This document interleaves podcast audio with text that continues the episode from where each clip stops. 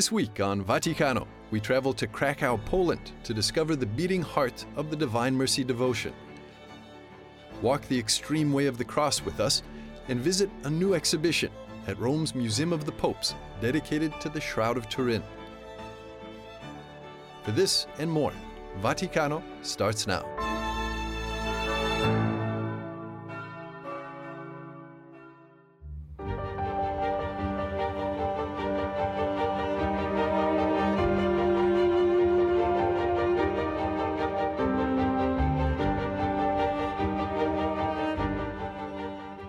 The Holy Father celebrated solemn Mass at the Church of Santo Spirito in Sassia, which in 1994 St. Pope John Paul II officially named the Divine Mercy Church in Rome.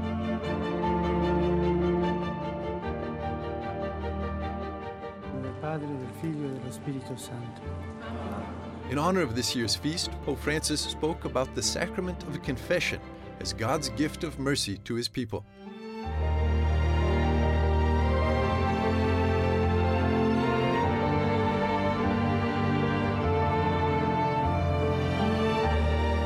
Discepoli abbiamo bisogno di lasciarci Like those disciples, we need to allow ourselves to be forgiven.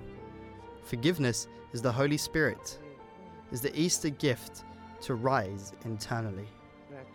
We ask for the grace to welcome it, to embrace the sacrament of forgiveness, and to understand that the center of confession is not us with our sins, but God with His mercy.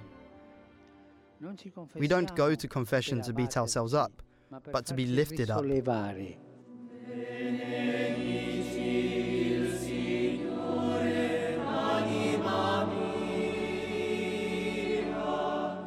The Feast of Divine Mercy has been strongly promoted by the last three popes. Pope John Paul II canonized St. Faustina Kowalska and established this feast in the year 2000. Pope Benedict XVI beatified Pope John Paul II, and Pope Francis canonized him and proclaimed a year of mercy five years ago.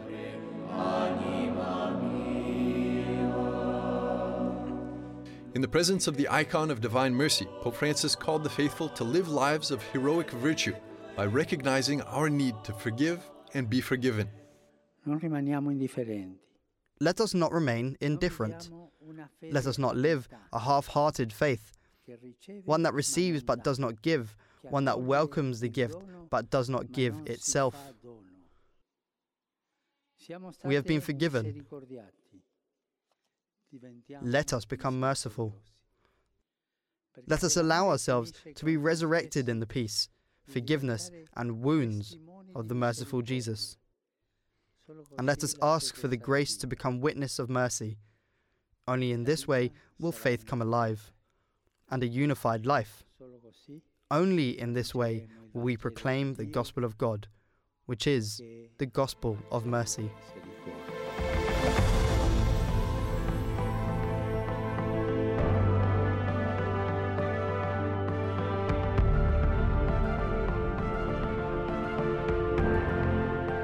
This gospel of divine mercy began when Jesus appeared to St. Faustina in Poland and Lithuania, directing her to have an image of divine mercy painted, teaching her the divine mercy chaplet, and asking her to have a feast established in order to make his mercy known. Now, the feast reminds us that God's mercy is overabundant and ever present. All we need to do is ask for it.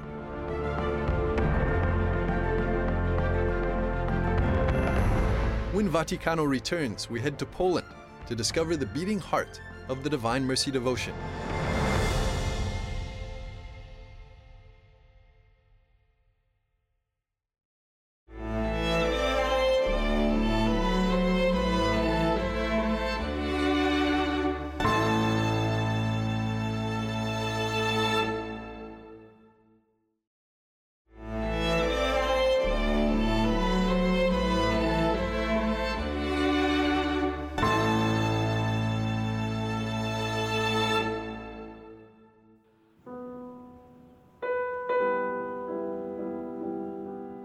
The Divine Mercy devotion spread worldwide from this small convent in Krakow, Poland. Sister Teresa from the community of the Sisters of Our Lady of Mercy, the congregation that St. Faustina Kowalska was once a part of, walks us into the shrine. In 1935, Divine Mercy Sunday, the Jubilee of Redemption, uh, Sister Faustina saw, it was Divine Mercy Sunday, Sister Faustina saw Jesus, uh, like in the image, blessing, and his blessing went out through the whole world.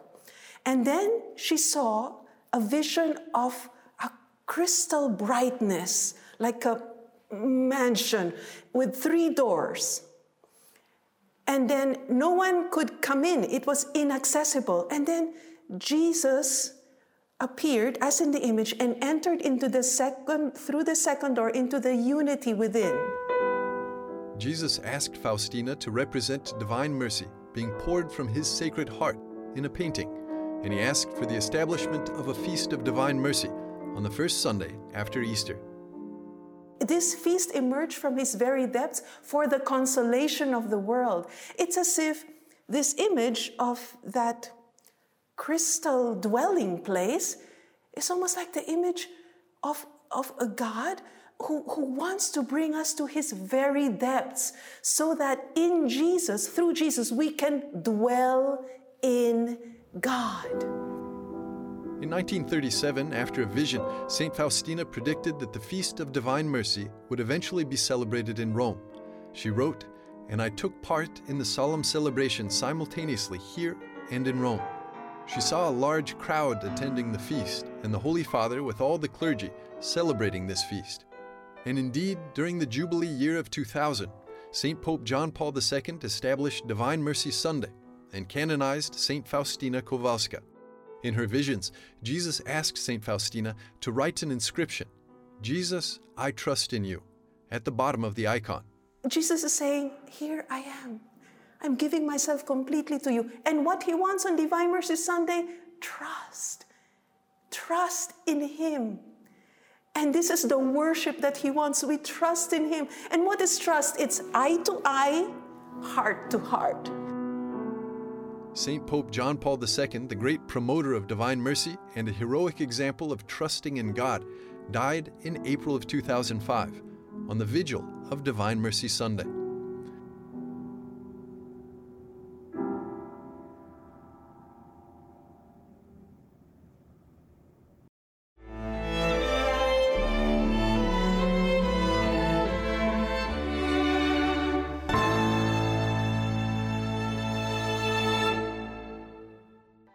It's Carson here. We are going to pray the Divine Mercy Chaplet today. And every day he goes live on Facebook and prays the Divine Mercy Chaplet. I feel happy. Like, I feel happy doing it. I, I decided I would do it for everybody that was counting on me. Welcome back to Divine Mercy Chaplet. Um, we are continuing to pray for the end of the coronavirus. Carson was born with epidermolysis bullosa, a rare condition making his skin extremely fragile. Carson, tell me a bit about the condition that you have, the skin condition. I know it's a quite a rare condition. What I'm missing is collagen 7. So just imagine grass rooting into the dirt. Well, I'm missing the roots. So without the roots, the grass just falls right off. Same with my skin. A little bit of friction can cause a whole thing of skin to just rip right off. They call it butterfly skin because it's as fragile as a butterfly's wings. The slightest brush or rub can cause his skin to tear and blister. So, how does that affect your life every day, Carson? I mean, just like uh, if I have an itch on my back, which I kind of do, if I itch it, something might happen. Sometimes I can't even swing on the swings because it would give me a blister on my bottom. Like, I can't wrestle with my brothers, which I wish I could do. I mean, sometimes we'll do it, but we usually get in trouble for it. Because you have to be extra careful, and is it very painful? Because it looks quite painful. It can be sometimes. My worst time is at bath time because I have to get the dressings the dressings off, which hurts itself, and then getting them back on can be a process too. For the sake of the sorrowful passion, have mercy on us and on the whole world. For the sake of the sorrowful passion, have mercy on us and on the whole world. The blistering means Carson has to constantly wear bandages, but despite the severe pain, Carson is always smiling and continues to pray every day. Today was kind of a rough day for me. My elbow is sore and I just feel kind of tired. But I'm still doing this, so it's a sacrifice. Okay, let's get started. In the name of the Father, and the Son, and the Holy Spirit. Amen. And do you think it has helped you in life because you have this rare skin condition and you have difficult days? Do you think it's made easier because of your faith? Yes, definitely. It's, it has made things easier. It can just be overwhelming sometimes, but I can pray through hard times in bath or when my feet are bothering me. Our Father who art in heaven, hallowed be thy name. Thy kingdom come, thy will be done on earth as it is in heaven. Give us this day our daily bread. People tune in to watch Carson from all over the world. I saw one of the videos, Carson, was watched by something like 60,000 people, just one of them. I know. That, Dad said, was my um one day of fame, but yeah, I feel happy doing it. I enjoy making everybody happy. Mom says people count on me to get on. Some people even posted like, "We're waiting to pray with Carson, the Divine Mercy Chaplain, and stuff like that." Good news! It's my birthday. I am officially 13 years old. My mom's holding a sign up in the camera. Very funny. keep praying, keep your faith up, and eventually you'll make it to where everything is perfect. Carson just turned 13 and is looking forward to what's ahead. I'm not sure what I want to be when I grow up, but there might be a way to um, earn some money by playing video games by then. I don't know. Thank you for joining me in prayer today, and I will see you guys tomorrow. Bye.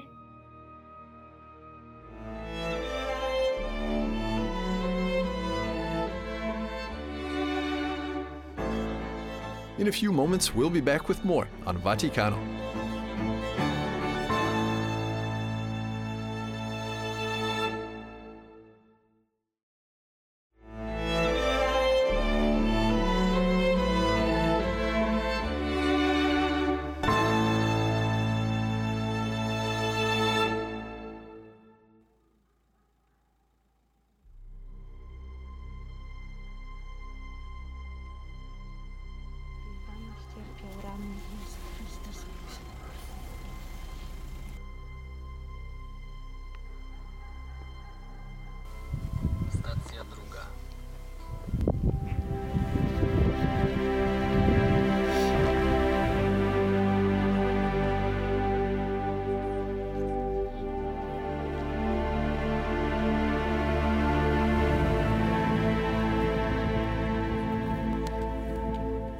In Poland, Catholics are taking Holy Week devotions to a new level. It's a tradition called the Extreme Way of the Cross. Choć ukończyła tylko kilka klas szkoły podstawowej, była obdarzona niezwykłą mądrością życiową. Father Matthew Tarczynski says that it began in 2009 in Krakow, Poland, and now 100,000 people participate in 20 countries worldwide.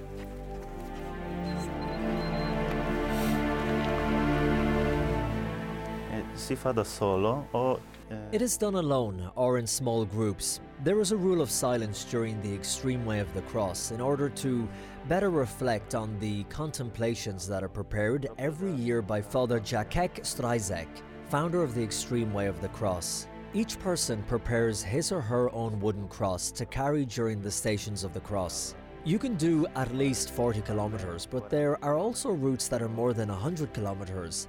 For example, there is a Holy Spirit route in Wroclaw that is 144 kilometers. When you suffer pain, tiredness, fatigue, you can also discover your own limits. This is very important in the movement of the extreme way of the cross to discover one's limits in order to meet God, who is an infinite God. The extreme stations of the cross can be done throughout the year. However, there is an official date which is usually the Friday before Palm Sunday. il venerdì prima della domenica delle, delle Palme. This year, despite the pandemic, pilgrims gathered at St. Anthony's Church in the Polish city of Jemiani to begin the prayer of the Stations of the Cross in an extreme way. Idę raz, dwa, trzy, cztery. This is Anya's fifth time, walking the near marathon length way of the cross. Zawsze, podczas każdej drogi Always at every stations of the cross, I feel great closeness, grace, and love, immense love. And every stations of the cross is different. I can never make up my mind as to know what will happen to me next. Every station of the cross is a mystery.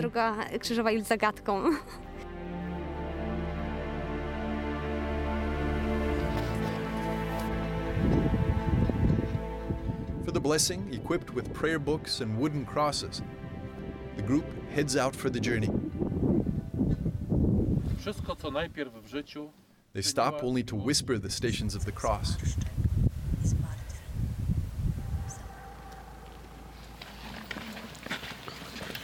Then they continue on their way, piercing the darkness with their flashlights in quiet prayer.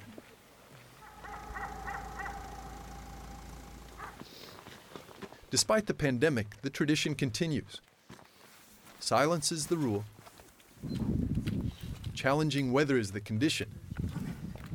Listening to the voice of Jesus in the heart is the key. They call it the extreme way of the cross, the extreme answer to God's immense sacrifice for us.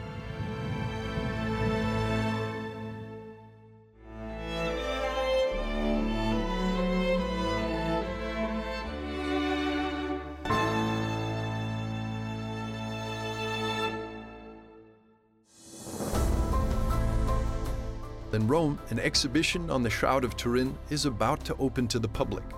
Just a few meters from St. Peter's Square is the Museum of the Popes, a papal treasure chest of over 500 objects, 800 autographed documents, 12,000 books, and 17,000 photographs. The director of the exhibition is Ivan Marsura, and collecting papal objects has been a passion of his from a very young age. I was more or less 15 years old when I was in the seminary in Vittorio Veneto, which was the first diocese of Pope John Paul I. So obviously, I was very interested in his life and his papacy. So from there, the passion began, and I started to collect these objects. Ivan tries to collect anything connected with the popes in the hope of preserving the objects in one place. All the material that I'm collecting, I do it free of charge, on my own time. The items themselves, sometimes I have to buy, or many times they are donations from the Vatican. There are many precious items in this small museum, but four years ago, Ivan discovered something that even he couldn't believe. He discovered previously unpublished negative photographic plates from 1898 of the famous Shroud of Turin.